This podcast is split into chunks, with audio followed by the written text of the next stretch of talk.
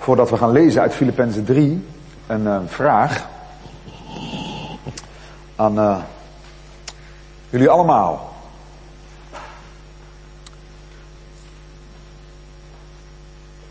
Stel dat wij vandaag voor de troon van God verschijnen, voor de hemelpoort, om het zo te zeggen. En God vraagt jou, God vraagt mij, waarom zou ik je binnenlaten?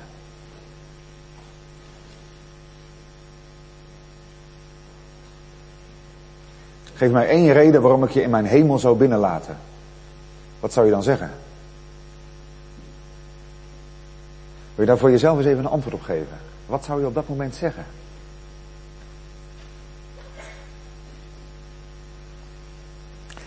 We gaan vanmorgen lezen uit Filippenzen 3. En het thema is Christus alleen. Een bevrijdende boodschap. Christus alleen. En het is goed om te bedenken dat Paulus dat onderwijst aan de gemeente. Aan de gemeente die de Heer Jezus kent. En daarom heb ik vanmorgen volle vrijmoedigheid om het in de gemeente, het uitverkoren volk van God, mensen die de Heer Jezus kennen, tenminste daar ga ik van uit, om de boodschap van Christus alleen opnieuw onder onze aandacht te brengen. Klaarblijkelijk is dat nodig en het is nodig, ook vandaag de dag. We gaan het eerst lezen met elkaar, Filippenzen 3, vers 1 tot en met 11. Verder, mijn broeders, verblijd u in de Here. Dezelfde dingen aan u te schrijven is mij niet onaangenaam en het geeft u zekerheid. Let op de honden, let op de slechte arbeiders, let op de versnijdenis. Want wij zijn de besnijdenis, wij die God in de geest dienen en in Christus Jezus roemen en niet op het vlees vertrouwen. Hoewel ik reden heb om ook op het vlees te vertrouwen. Als iemand anders denkt te kunnen vertrouwen op het vlees, ik nog meer. Besneden op de achtste dag uit het geslacht van Israël, van de stam Benjamin, een Hebreeër uit de Hebreeën, en wat de wet betreft een Fariseer. Wat ijver betreft een vervolger van de gemeente. Wat de rechtvaardigheid betreft die in de wet is, onberispelijk. Maar wat voor mij winst was, dat heb ik om Christus wil als schade beschouwd. Ja, ik beslist, ik beschouw ook alles als schade. Vanwege de voortreffelijkheid van de kennis van Christus Jezus, mijn Heere. Om wie ik dat alles als schade ervaren heb. En ik beschouw het als vuiligheid. Opdat ik Christus mag winnen. En in Hem gevonden word. Niet met mijn rechtvaardigheid die uit de wet is. Maar die door het geloof in Christus is. Namelijk de rechtvaardigheid uit God. Door middel van het geloof. Opdat ik Hem mag kennen. En de kracht van zijn opstanding. En de gemeenschap met zijn lijden. Doordat ik aan zijn dood gelijkvormig word. Om hoe dan ook te komen tot de opstanding van de doden.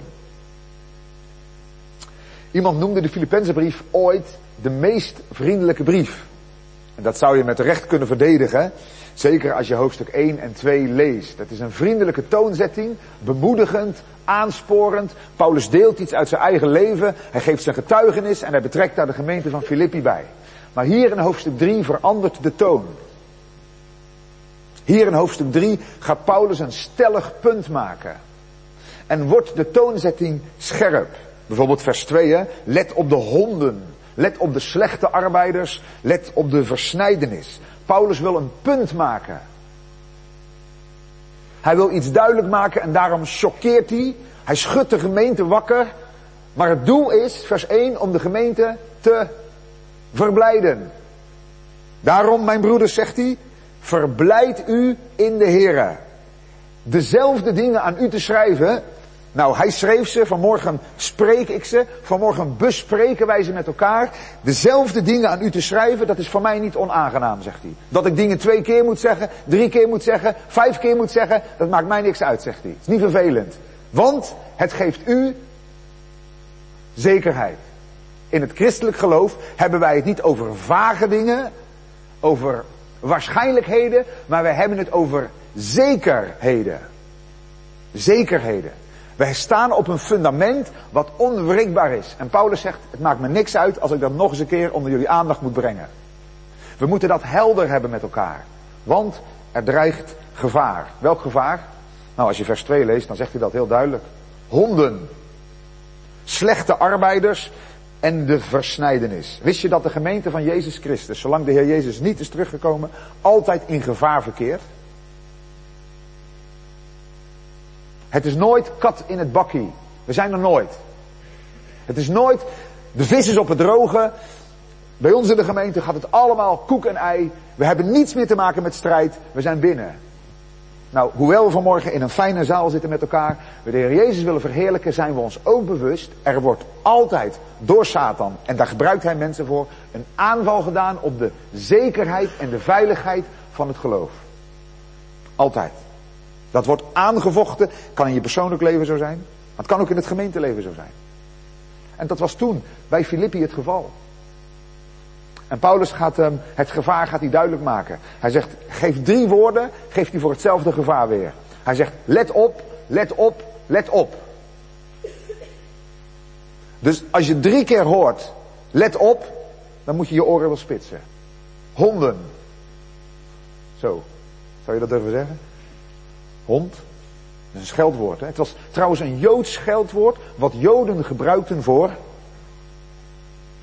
heidenen. En Paulus draait het hier om. Hij verdedigt heidenchristenen, Filippi, tegen de aanval van Joodse leraars en hij noemt ze honden. Jullie zijn bezig met een onrein werk. Een hond was een onrein dier. Jullie zijn bezig met de reinheid van de gemeente te besmetten. En daar maakt hij die Filippenzen alert op. Slechte arbeiders, zegt hij. Arbeiders wil zeggen, er is een hoop activiteit. Die, die dwaalleraars, waar het hier over gaat, dat waren mensen die waren druk in de weer, in de gemeente. Maar ze waren bezig met een slecht werk. Slechte arbeiders. En als laatste zegt hij, let op de versnijdenis. Nou, dat woord versnijdenis, dat doet je direct denken aan besnijdenis. Dat klopt ook. Paulus maakt een woordspeling. Die leraars, ik kom daar zo nog op terug, die hadden één thema. En dat was besnijdenis. Maar hij zegt, ik noem jullie niet besnijdenis. Verderop zegt hij, wij zijn de besnijdenis. Ik noem jullie versnijdenis. En versnijdenis betekent gewoon kapot snijden. Verminken. In stukken snijden. Dat is waar jullie mee bezig zijn. Nou, waarschijnlijk judaïserende tegenstanders van het evangelie. Waarom is Paulus zo fel? Ik denk als ik het je zou vragen dat je zou zeggen, hij wil de gemeente beschermen. Amen. Zeker jonge christenen moeten vast op het fundament staan. Moeten die zekerheid van vers 1 in hun hart meedragen.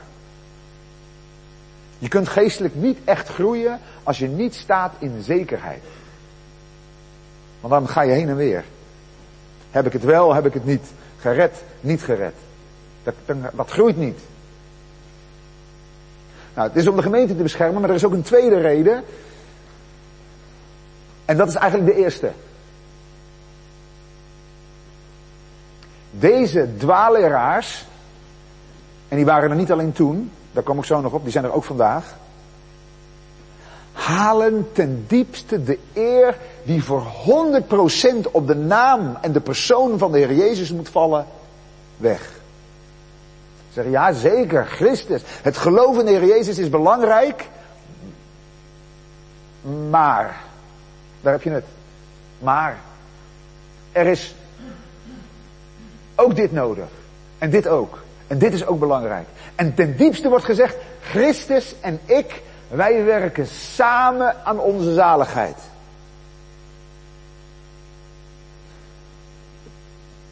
Dat betekent dat de Heer Jezus in de gemeente niet langer de eer krijgt die hem toekomt. En daarom gaat Paulus in het verweer. Daar wil ik even iets over zeggen. Misschien vind je dat wel een beetje lastig. Van Paulus kunnen we dat misschien wel hebben dat hij zo stellig is richting, richting dwaalleraren. Maar ik denk dat het vandaag de dag ook belangrijk is. Het is natuurlijk wel nodig dat Paulus geen namen hier noemt. Is opvallend dat hij in brieven aan Timotheus en Titus noemt hij dwaalleraren bij namen. Dat was zeg maar onder werkers in Gods koninkrijk, sprak hij luid en duidelijk. Hier aan de gemeente noemt hij ze niet bij namen. Maar hij beschrijft heel duidelijk het verschijnsel. Hij heeft er geen goed woord voor over. Geen goed woord voor over. En ik denk, wij zijn geneigd in deze tijd waarin we de kerk vooral zien als een instituut van liefde, geneigd om zeggen, ja joh, laten we de, laten we de eenheid benadrukken. Laten we over de verschillen heen stappen en zien wat we gemeenschappelijk hebben. Nou, dat is een mooie houding, eensgezindheid. Nou, dat heeft Paulus in hoofdstuk 2 uitgebreid besproken. Daar hebben we het over gehad. Maar eensgezindheid gaat nooit, dat moet je onthouden, nooit ten koste van de waarheid. Nooit.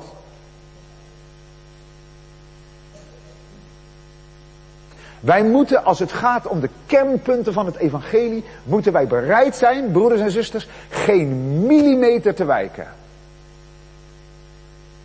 Denk aan Luther. Nou, hij wordt nu massaal herdacht.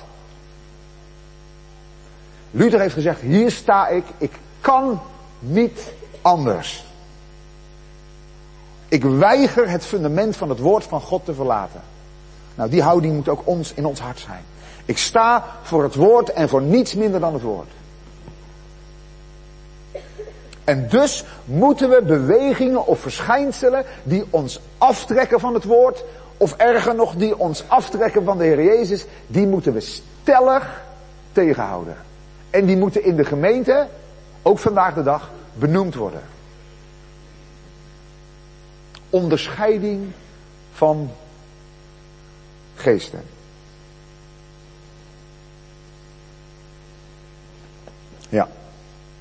Echt van belang vandaag de dag.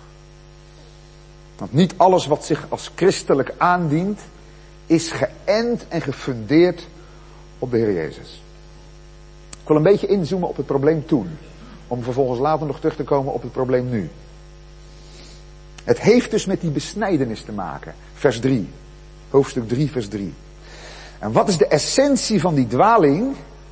Is er iets mis met een lichamelijke besnijdenis? Is er iets mis mee als mannen zich laten besnijden? Nou, dat is Paulus niet op tegen. Hij is zelf ook besneden. Hij heeft Timotheus besneden. Maar de geest die erachter zit, daar verzet hij zich tegen. Want je wordt teruggeworpen op het vlees. Op iets wat je zelf moet doen. Op iets wat je voor God kunt doen. Bijvoorbeeld de gedachte, door een besnijdenis kom ik dichter bij God. Zeg maar, in het beeld van die lat van zojuist gesproken, door die besnijdenis spring ik een stukje hoger.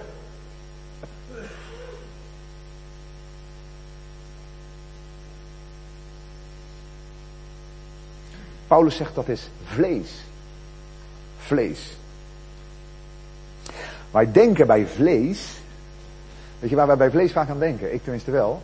Onze eerste geneigdheid is te denken, het vlees, dat is uh, dat wat in de wereld afspeelt. Hè? Dus uh, dat is overspel, dat is roddel, dat is laster, dat is fraude, dat is corruptie, dat is uh, rebellie, dat is vlees. Klopt, de Bijbel noemt dat zondige werken. Maar de Bijbel spreekt ook over andere werken. Over dode werken. Twee keer vind je dat. Dode werken. En dat is wat Paulus hier bedoelt.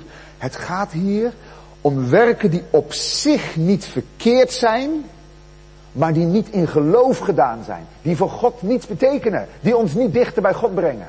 Dat is een dood werk. Dat is het vlees. Vertrouwen op iets wat misschien wel goed is, maar je, je hecht er de verkeerde waarde aan. Je denkt, ik kom daarmee dichter bij God. Ik word voor God aangenamer. Dat is het vlees.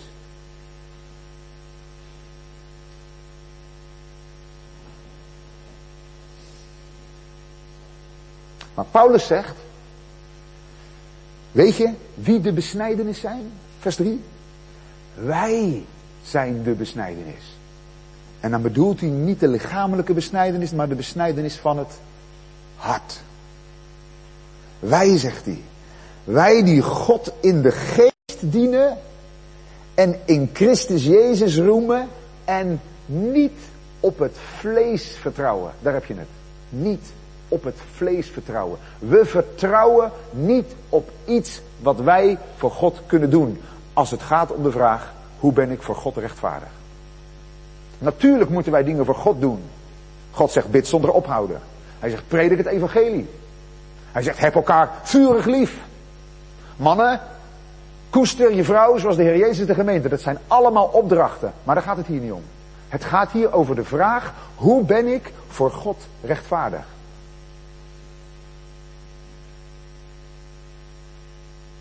Dat is de vraag.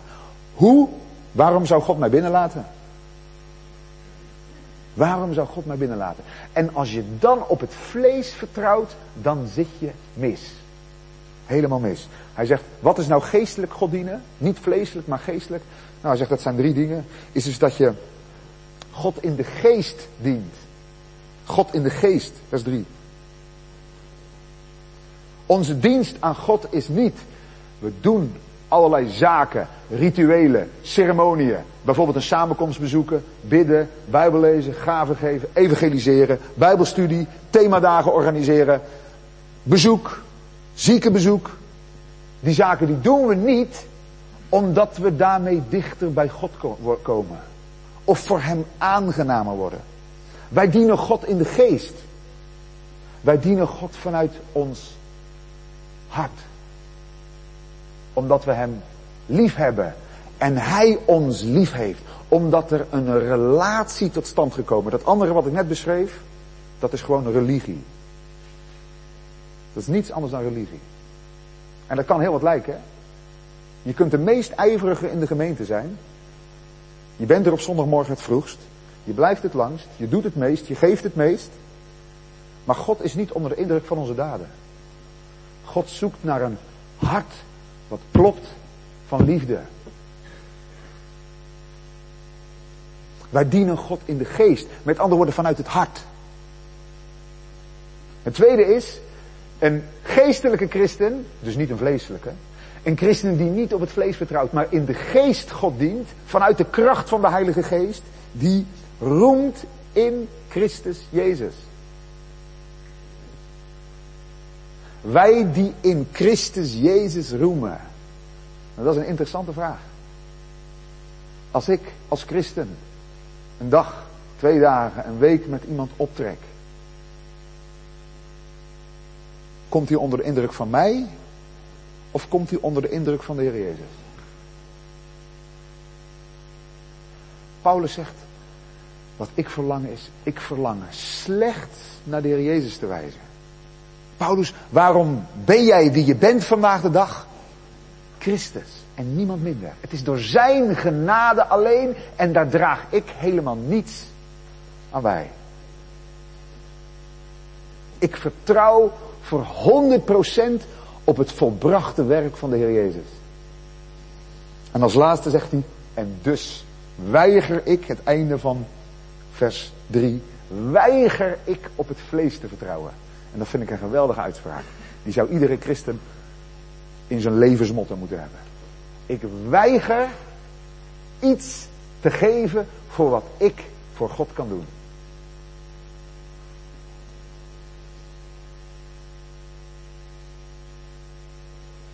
Als ik denk dat mijn christelijke plichten, hoor je dat? Mijn christelijke leven, mijn getuigen, als ik denk dat ik daarmee in de hemel kom, dan heb ik niets begrepen van die hoge standaard van God, die hier net werd hoog gehouden. Niets. Waarom zou God zijn zoon naar deze wereld sturen, als ik met een partij, met een serie overtuigingen, met een goed leven, met goede christelijke daden in de hemel zou kunnen komen? Waarom had de Heer Jezus dan moeten komen?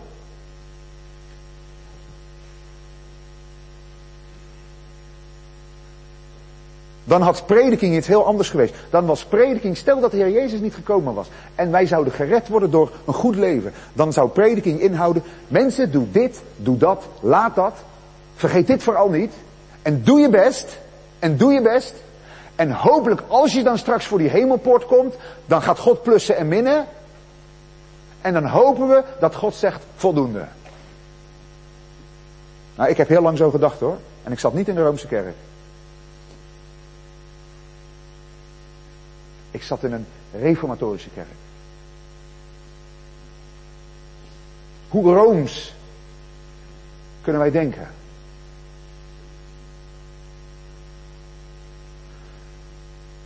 Maar als we gaan zien wat God van ons vraagt, namelijk, dat was mooi wat die zuster net zei, hè? dat wij zijn zoals Hij, ja, dan kom ik op een punt dat ik zeg, dat gaat hem niet worden. Dat gaat hem niet worden in mijn leven. Al ben ik vanaf nu zonderloos, al leef ik vanaf nu als door een ringetje te halen, ja, dan zit ik nog met die achterliggende 32 jaar. Mijn goede daden compenseren niet mijn slechte daden. Dus het is van onze kant verloren. Zeg je daar amen op? Het is verloren van onze kant. Die lat ligt te hoog en we stoppen ook met springen. We stoppen met springen. We vertrouwen niet meer op het vlees. Kijk uit, broeder, zuster, voor predikers die zeggen dat het geloof in Christus Jezus niet voldoende is. Zij zeggen, als je een echte christen bent, dan heb je deze visie op Israël. Dan spreek je in tongen. Dan heb je deze geestelijke ervaring. Dan moet je iets kunnen vertellen van dit. Moet je iets kunnen vertellen van je verlorenheid. Moet je kunnen vertellen hoe de Heer Jezus aan je hart is geopenbaard. Als je een echte christen bent, dan.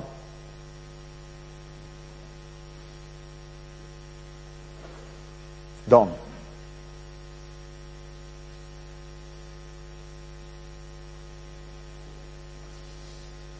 Over die thema's kun je allemaal spreken.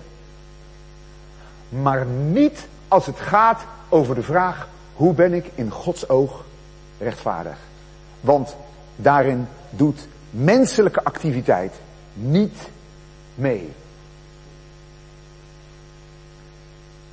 De enige vraag is, voor je behoud, de vraag of je straks door die hemelpoort mag, om het zo te zeggen. De enige vraag, hoor je dat? Ook als je geen zekerheid hebt. Als je niet staat op het fundament en je bent hier vanmorgen, de enige vraag is niet hoe breng jij ervan af? De enige vraag is, wat zie je in het volbrachte werk van Jezus Christus? Daarom heeft Paulus bijvoorbeeld tegen die cipier gezegd, handelingen 16, toen hij vroeg, wat moet ik doen om behouden te worden? Dan zei hij maar één ding. Hij zei niet, ga de Sabbat vieren. Hij zei niet, ga je Bijbel lezen. Hij zei ook niet, ga bidden. Hoewel dat allemaal goede dingen zijn. Hij zei, geloof in de Heer Jezus Christus en je zult behouden zijn. Het is door het geloof alleen. Het is door Christus alleen. Ja, ik weet niet, als ik daarover nadenk, ik vind dat nog steeds geweldig. Ik voel me aan één kant helemaal in mijn hemd gezet. Want God zegt, Leander, van jou doet er niets mee. Zelfs niet je beste preken, dat doet niet mee. Kan ik niet gebruiken. Ik neem met niets minder genoegen, zegt God, dan met het werk van mijn eigen zoon. En die heeft zich volmaakt in gehoorzaamheid aan de Vader gegeven. Hij is vernietigd tot in de dood. En alleen in dat werk, daarvan zegt God, daar neem ik genoegen mee. En in ieder die zich failliet verklaart, ook vanmorgen, en zich toevertrouwt aan de Heer Jezus en zegt, Heer Jezus, u hebt het gedaan. Die deelt in de overwinning, die deelt in de zegen. Ik legde vanmorgen nog aan mijn zoontje uit, onderweg hier naartoe. Dan ziet God ons alsof wij die gerechtigheid zelf tot stand gebracht hebben. Want God zag ons op het kruis. En hij ziet Christus in ons. Volmaakt zonderloos. Met een gerechtigheid die van goddelijke kwaliteit is. Waarvan God zegt, daar ga ik mee akkoord. Mijn hemelpoort staat open. En daarom is onze bevrijdende boodschap, ook vandaag de dag nog altijd. Geloof in de Heer Jezus Christus. En je zult vandaag behouden zijn. Want Hij heeft het volbracht. Toch kan je nog niet overtuigd zijn. En zeg ja, dat vind ik toch iets te makkelijk. Dat vonden die, die ook, hè. Een beetje goedkoop. Goedkoop evangelie. Nou, Paulus zegt, oké, ik ga een stapje verder. Ik denk met jullie mee. Hij zegt, jullie willen een wedstrijd in het vlees houden. Een wedstrijd in het vlees. Hij zegt, ik doe mee. Vanaf vers 4 schrijft hij in de ik-vorm. Ik hoop dat je het meemaakt. Hij zegt, hoewel ik reden heb om op het vlees te vertrouwen. Als iemand anders denkt te kunnen vertrouwen op het vlees, ik nog meer. En dan gaat hij in vers 5 en vers 6, gaat hij zeven vleeselijke privileges noemen. Zeven dingen. Hij zegt, als ik mijn vlees zou tellen, dan kan ik dit aandragen. Dit zijn mijn vleeselijke plussen. Snap je dat? En noemt hij zeven dingen. Het eerste zegt hij, ik ben besneden op de achtste dag. Ik ben op het juiste moment besneden. Niet later, op het juiste moment. Op de achtste dag. Twee, ik ben van het geslacht van Israël. Ik ben geen proseliet. Ik ben een echte, zegt hij. Mijn vader en mijn moeder, ze waren Joods. Ik ben niet van buitenaf binnengekomen. Ik ben een ras, echte. Ik heb zuivere afstamming. Het derde.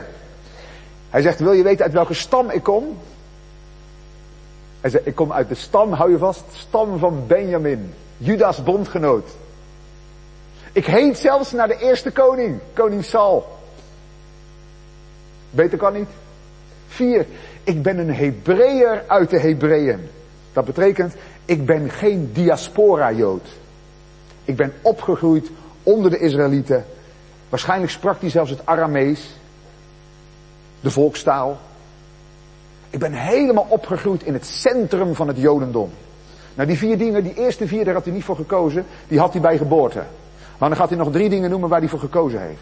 Hij zegt, toen ik vervolgens wat ouder werd, waarschijnlijk 13 jaar na de bar mitzwa, heb ik ervoor gekozen om me aan te sluiten bij de leer, bij de richting van de fariseeën. Dat waren de meest strenge. Die geloofden in de opstanding. Wat de Sadduceeën niet deden. Ik ben een volbloed. Ik zat in de meest orthodoxe richting. Als zesde zegt hij, wil je weten hoe mijn inzet was? Mijn ijver was? Ik vervolgde de gemeente. Ik stond zo voor de waarheid van het Jodendom. Ik hield zoveel van de Torah dat ik iedere leer die er maar wat tegen inging, bijvoorbeeld de leer over Jezus, met hart en ziel vervolgde. En als laatste, eigenlijk een soort conclusie als hij een streep eronder trekt. Hij zegt, keek je naar mijn rechtvaardigheid? Want daar gaat het om hè, in het Jodendom. Dat je rechtvaardig bent. En dat is waar. Daar gaat het om in het mensdom. Dat wij rechtvaardig zijn. Dat wij rechtvaardig worden verklaard door Jezus. Maar hij zegt, mijn rechtvaardigheid die uit de wet was, onberispelijk. Echt waar, jongens en meiden? Als je met de 15-jarige Paulus een ontmoeting zou hebben, dat was een keurige jongen. Onberispelijk. Met andere woorden, door een ringetje te halen. Even voor de helderheid. Zolang je hem vergeleek met medemensen. Maar vergeleek je hem met de heiligheid van God. Dan viel hij natuurlijk nog steeds grandioos door de mand.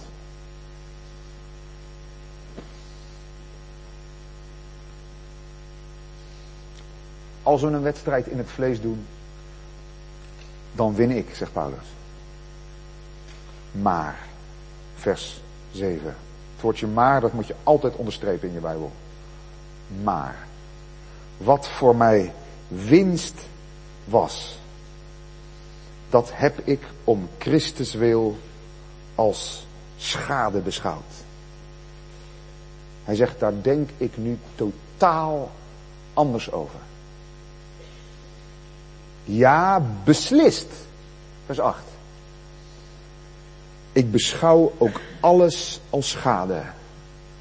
Vanwege de voortreffelijkheid van de kennis van Christus Jezus mijn Heere. Om wie ik dat alles als schade ervaren heb. En ik beschouw het als vuiligheid. Opdat ik mag, op Christus mag winnen. Stel je even een balans voor. Een balans waar je aan de ene kant je pluspunten en aan de andere kant je minpunten schrijft. En Paulus die gaat mee in die vleesrekening en hij zegt ik heb hier deze zeven pluspunten. In, aan de winstkant hè. Maar er is een moment gekomen in het leven van Paulus dat hij die zeven zaken in één moment van tafel heeft geveegd. Hij zegt, wat ik eerder winst achtte, wat eerder op de winstkant stond, dat heb ik plotseling als verlies beschouwd. Als schade, als drek, als vuiligheid. Er staat in het Grieks een woord skubala, dat betekent niks anders dan uitwerpselen.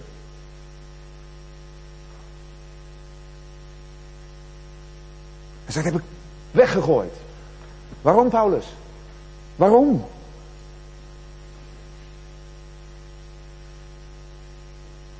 Waarom geef jij niks meer voor jouw prestaties?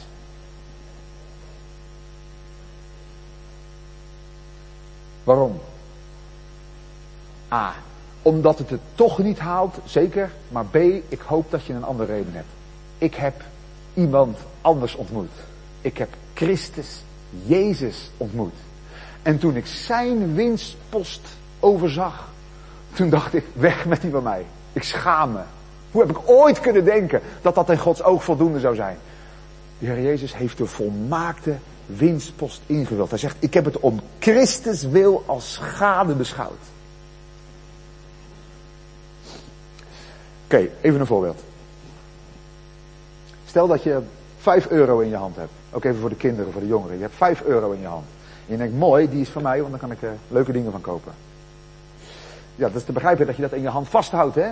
Dat je dat niet uh, wil verliezen. Maar wanneer gaat die hand nou open en wanneer wil je die 5 euro nou kwijtraken?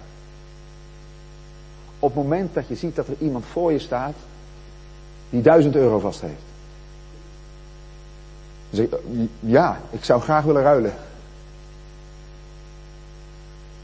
Zo is het ook met godsdienstige mensen, wat wij van nature zijn. Wanneer gaan wij onze eigen goede daden, ons vele bidden, ons ernst, onze bijbelstudie, noem maar op. Wanneer gaan we dat prijsgeven? Wanneer gaan we dat net als Paulus in de vuilnisbak gooien? Als we Christus zien. Als we Jezus zien en zijn gerechtigheid.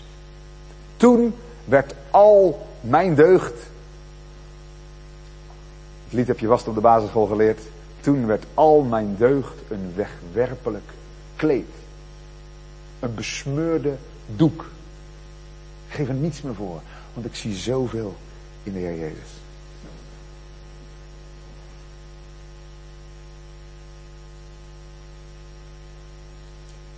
Beslist, zegt hij. Absoluut. Ik twijfel geen moment. Toen God mij stilhield, toen werd dat wat voor mij vroeger zo belangrijk was, waardeloos. En al zijn vroomheid heeft hij afgelegd. Kan zichzelf niet meer op de been houden. Al zou ik 40 jaar bidden en vasten. Dan ga ik nog verloren. Dat is hard hè? Ik geef zoveel van mijn tijd voor de kerk. En je kunt nog zo vroom zijn. En goede dingen doen. Maar als je niet een levende relatie met de Heer Jezus hebt, dan zijn het uitwerpselen.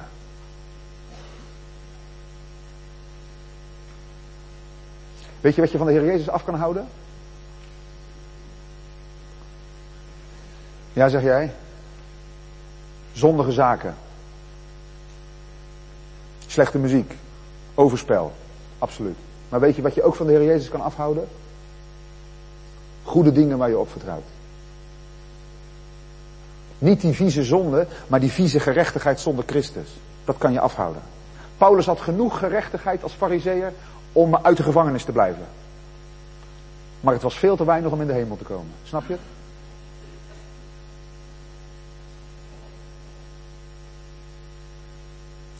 Toen Christus kwam, toen hij Jezus zag, toen werd al die religie weg. En werd de religie relatie. Een relatie met Jezus. Hij zegt in vers 8, mijn Heer. Mijn Heer. Christus Jezus, mijn Heer. Het gaat hem nu alleen nog om Jezus. Ik roem niet meer in eigen kracht, in gaven, in wat wijsheid is. Ik roem alleen nog in de Heer zijn dood en zijn verrijzenis. Waarom zou ik je binnenlaten? Waarom zou God je binnenlaten? Daar heb je maar één antwoord. Maar één antwoord. zijn dood en zijn verrijzenis. En daarom weet ik het zeker. Hoe kun je als christen zeker zijn van je behoud? Alle andere religies hebben dat niet, hè? Ik sprak laatst met een Rooms-Katholieke vrouw van 90 jaar. Serieus die vrouw. Ze kwam vlak bij de Bijbelschool bij een graf. Een man herdenken, dat doe ik voor de Heer, zei ze. Ze kwam bij ons naar binnen even. Ze zei, mevrouw, hebt u zekerheid? Hebt u zekerheid? Weet u zeker, het is straks goed als ik mijn laatste adem uitblaas? Zeker is niets. Maar ik heb wel een vroom leven achter me. Echt. Rilde me. Geen zekerheid. Maar niet alleen Roomse zitten in die onzekerheid gevangen. Ik wil jou vanmorgen vragen, heb jij die echte zekerheid? Die kun je hebben. Weet je waarom? Omdat dat antwoord van jezelf afwijst. Het antwoord, waarom zou ik je binnenlaten? Dat is een antwoord wat je geeft op rekening van iemand anders. Zijn dood en zijn verrijzenis. Als dat niet waar is, dan ben ik verloren. Dan ben ik echt verloren. Maar omdat ik zeker weet dat dat waar is, ben ik behouden. Want God kan niet liegen. En dus heb ik vandaag zekerheid in een onstuimige wereld. Weet ik, niets kan mij scheiden van de liefde van God die er is in Christus Jezus. Want God ziet zoveel in het werk van zijn zoon dat ik vrijgesproken ben. Van de zonde van verleden, ja dat geloven we dan vaak nog wel. Van de zonde van het heden, kunnen we ook nog wel geloven. Maar ook van de zonde die ik ga doen in de toekomst. Want wist je, God kan vandaag geen gemeenschap met jou hebben als de zonden van de toekomst van jou niet vergeven zijn. Want God ziet ons hele leven. Dus toen we voor het eerst op Christus gingen vertrouwen, heeft hij ons vrijgesproken van A tot Z. Van dag 1 tot de laatste dag. En daarom is een christen een gelukkig mens. Verblijd u in de Heer. Het geeft u zekerheid, zegt hij. Die zekerheid, toen dat in mijn leven doordrong. Toen dacht ik, dit is de grootste schat die ik ooit gekregen heb en nog ooit zal krijgen. En daar moeten wij vrijmoedig over spreken. En dat fundament, wat religieuze mensen willen afpakken. Zeggen, ja, oké, Christus, maar... Dan moeten ze zeggen, ho. Ho. Als het gaat om mijn rechtvaardigheid, is het Christus en Christus alleen. Tot slot. Wat rest je dan in dit leven? Voor rechtvaardigheid hoeven we niet meer te werken. Die hebben we al. In Christus zijn we rechtvaardig. Wat dan? Wat, ja, wat, wat rest ons dan deze laatste dagen van ons leven? De tijd die in ons leven overblijft. We werken niet om behouden te worden, want we zijn behouden. Nou, Paulus zegt, als je het mij vraagt, dit. Dit wil ik. En dat vind ik wel heel diep. Deze oude apostel in de gevangenis. Even een persoonlijke noot. Deze oude apostel in de gevangenis. Paulus, wat wil je nu nog de rest van je leven? Hij zegt, ik zal het je vertellen. Vers 9. Eind van vers 8. Opdat ik Christus mag winnen. Christus mag winnen. Die heb je toch al? Ja, zeker. Maar hij zegt, ik wil hem helemaal. Ik wil hem dieper leren kennen. Ik wil mijn redder dieper in de ogen kijken. Ik wil meer van zijn liefdeshart zien. Ik wil meer van zijn offer zien. Meer van wie hij voor de Vader is. Dat ik Christus mag winnen. Dat is één. Twee, vers 9. En in hem gevonden wordt. Ik wil in hem begrepen zijn. Bij hem horen. Eén met hem zijn. Niet met mijn rechtvaardigheid. Hij zegt het nog een keer, hè. Die uit de wet is. Maar die door het geloof in Christus is. Dat wil ik. Ik wil in hem gevonden worden. Ik schuil alleen maar bij de Heer Jezus. Ooit op een kinderevangelisatiemoment legde iemand dat heel mooi uit. Wat gebeurt er als wij tot geloof komen? De kinderwerker die had een wit laken meegenomen. En hij wikkelde dat helemaal om die persoon heen. Je hebt 100% de gerechtigheid van Christus ontvangen. 100%. En als God van boven naar je kijkt, dan ziet hij Jezus. Paulus zegt, ik wil in Hem gevonden worden. Ik wil in Hem begrepen zijn. Dat wil ik. Vers 10. Opdat ik Hem mag kennen. Ik wil mijn heiland, die zoveel voor mij betekent, zoveel voor mij verdiend heeft, die wil ik dieper leren kennen. En dat is een mooie vraag. Als jij zegt, ik sta op het fundament. Vanmorgen kan ik met zekerheid zeggen, volle verzekering, Jezus is mijn. Wat schenkt dat rust aan mijn gemoed? Dan zou ik aan je willen vragen, maar wat is er dan nu in je hart? Wil jij degene die voor jou gestorven is, wil je die dieper leren kennen? Ken je die onrust in je hart? Opdat ik Hem mag kennen. Dat. Ik wil U kennen, Heer. Dat is mijn grootste schat, zingt een opwekkingslied. Ik wil niet allereerst religieus zijn. Ook na onze bekering kunnen we religieus worden. Ik wil dit voor de Heer doen, dat voor de Heer doen, dat voor de Heer doen. Paulus zegt nee. Nee. Paulus, wil je dan geen gemeentes meer planten? Wil je dan geen gemeentes meer toerusten? Wil je geen onbereikte gebieden bereiken? Zegt hij allemaal. Maar als je mijn hart opent, dan zeg ik, wat ik het eerst wil is, ik wil hem kennen. Hem kennen. Wat bedoel je dan? Nou zegt hij, de kracht van zijn opstanding. De opstandingskracht in mij. Want Jezus woont in mij. Zijn kracht is in mij. De kracht van zijn opstanding. Daar steek ik ook mijn vinger voor op. Ik wil in mijn leven uw kracht zien werken. Als ik getuig, als ik mijn gezin leiding geef. Niet in eigen kracht. Maar in uw kracht, Heer. Heer Jezus, we hebben dat aan het begin van de samenkomst gebeden. Niet in eigen kracht, maar in uw opstandingskracht. Nou, ik denk dat jij daar ook je vinger voor opsteekt. De opstandingskracht van Christus in ons leven. Maar Paulus zegt meer. Ik ben benieuwd of je ook je vinger opsteekt. Hij zegt, ik wil ook de gemeenschap met zijn lijden. Ik wil de gemeenschap met zijn lijden. Wil je lijden? Ja, zegt hij. Niet als doel. Maar weet je waarom ik wil lijden? Omdat er in het lijden een intimiteit met Jezus is die ik op geen andere manier kan leren kennen. Misschien herken je het wel. Als je uitgelachen wordt om de naam van Jezus. In je familie apart gezet wordt. Beschouwd wordt als een uh, Jezusfiguur. En je gaat op je knieën en zegt, Heer Jezus, ik dank u dat ik niet afhankelijk ben van de mening van anderen. Maar dat ik met u in een eenheid leef. Die onverbreekbaar is. Dan leer je hem kennen in het lijden. Misschien zeg je, dan steek ik toch mijn vinger op. Maar Paulus zegt, ik ga nog een stap verder. Ik wil gelijkvormig worden aan zijn dood.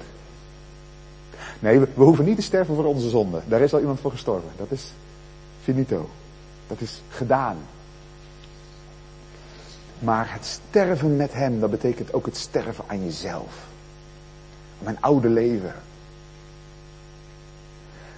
Voor Paulus betekende dit ook. En het kan het voor ons ook betekenen. Sterven voor hem. Sterven voor hem. Ik wil mijn leven helemaal geven voor de naam van Jezus. Ook al betekent dat dat ik moet sterven. Als ik maar sterf in de intimiteit met Jezus. Van de apostel is bekend dat ze bijna allemaal gestorven zijn om de naam van Jezus. Peter is op zijn kop gekruisigd. Maar hij heeft daar een intimiteit met Jezus ervaren. Het was een eer voor hem om te worden als zijn heiland. Want sterven is niet het doel. Het doel is wat volgt. En dat is het laatste vers 11. Om te komen. Zoals Jezus. Tot de opstanding van de doden. Om daar te mogen zijn. Verlost van zorg en pijn. Heer Jezus, we hebben u nu onuitsprekelijk lief, hoewel we u nog niet zien met ons fysieke oog. Maar Paulus zegt, mijn grootste wens is hem kennen, de kracht van zijn opstanding, de gemeenschap aan zijn lijden, gelijkvormigheid in zijn dood, omdat, dat vijfde, uiteindelijk straks opgewekt te worden. Een opstandingslichaam te verkrijgen. En Jezus te zien. Hem die ons heeft liefgehad. En ons bevrijd heeft. Om hem in de ogen te zien. We weten niet wat we zijn zullen op die dag. Als we Jezus lichamelijk zullen ontmoeten. Maar één ding weten we. We zullen hem gelijk zijn. In vers 21, het laatste vers van dit hoofdstuk, zegt hij: Hij die ons vernederd lichaam. Nu leven we nog in een vernederd lichaam. Ziekte, we hebben net weer gebeden voor mensen met ziekte. Maar dan zal ons vernederde lichaam getransformeerd worden in een verheerlijk lichaam gelijk aan Hem. Jezus zien, face to face, van aangezicht tot aangezicht. Nou, dat is in mijn hart, zegt Paulus. Dat is wat ik wil.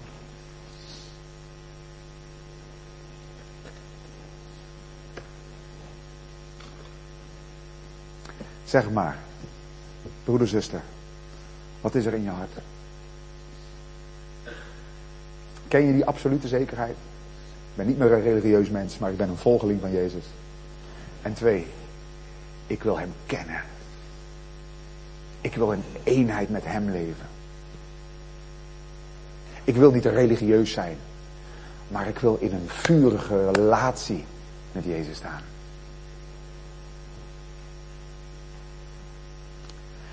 Ik sluit af met die vraag waar ik mee begon. Waarom laat God ons binnen? Ik hoop dat je van harte kan zingen wat we zo dadelijk gaan zingen. Geen andere pleitgrond hebben wij.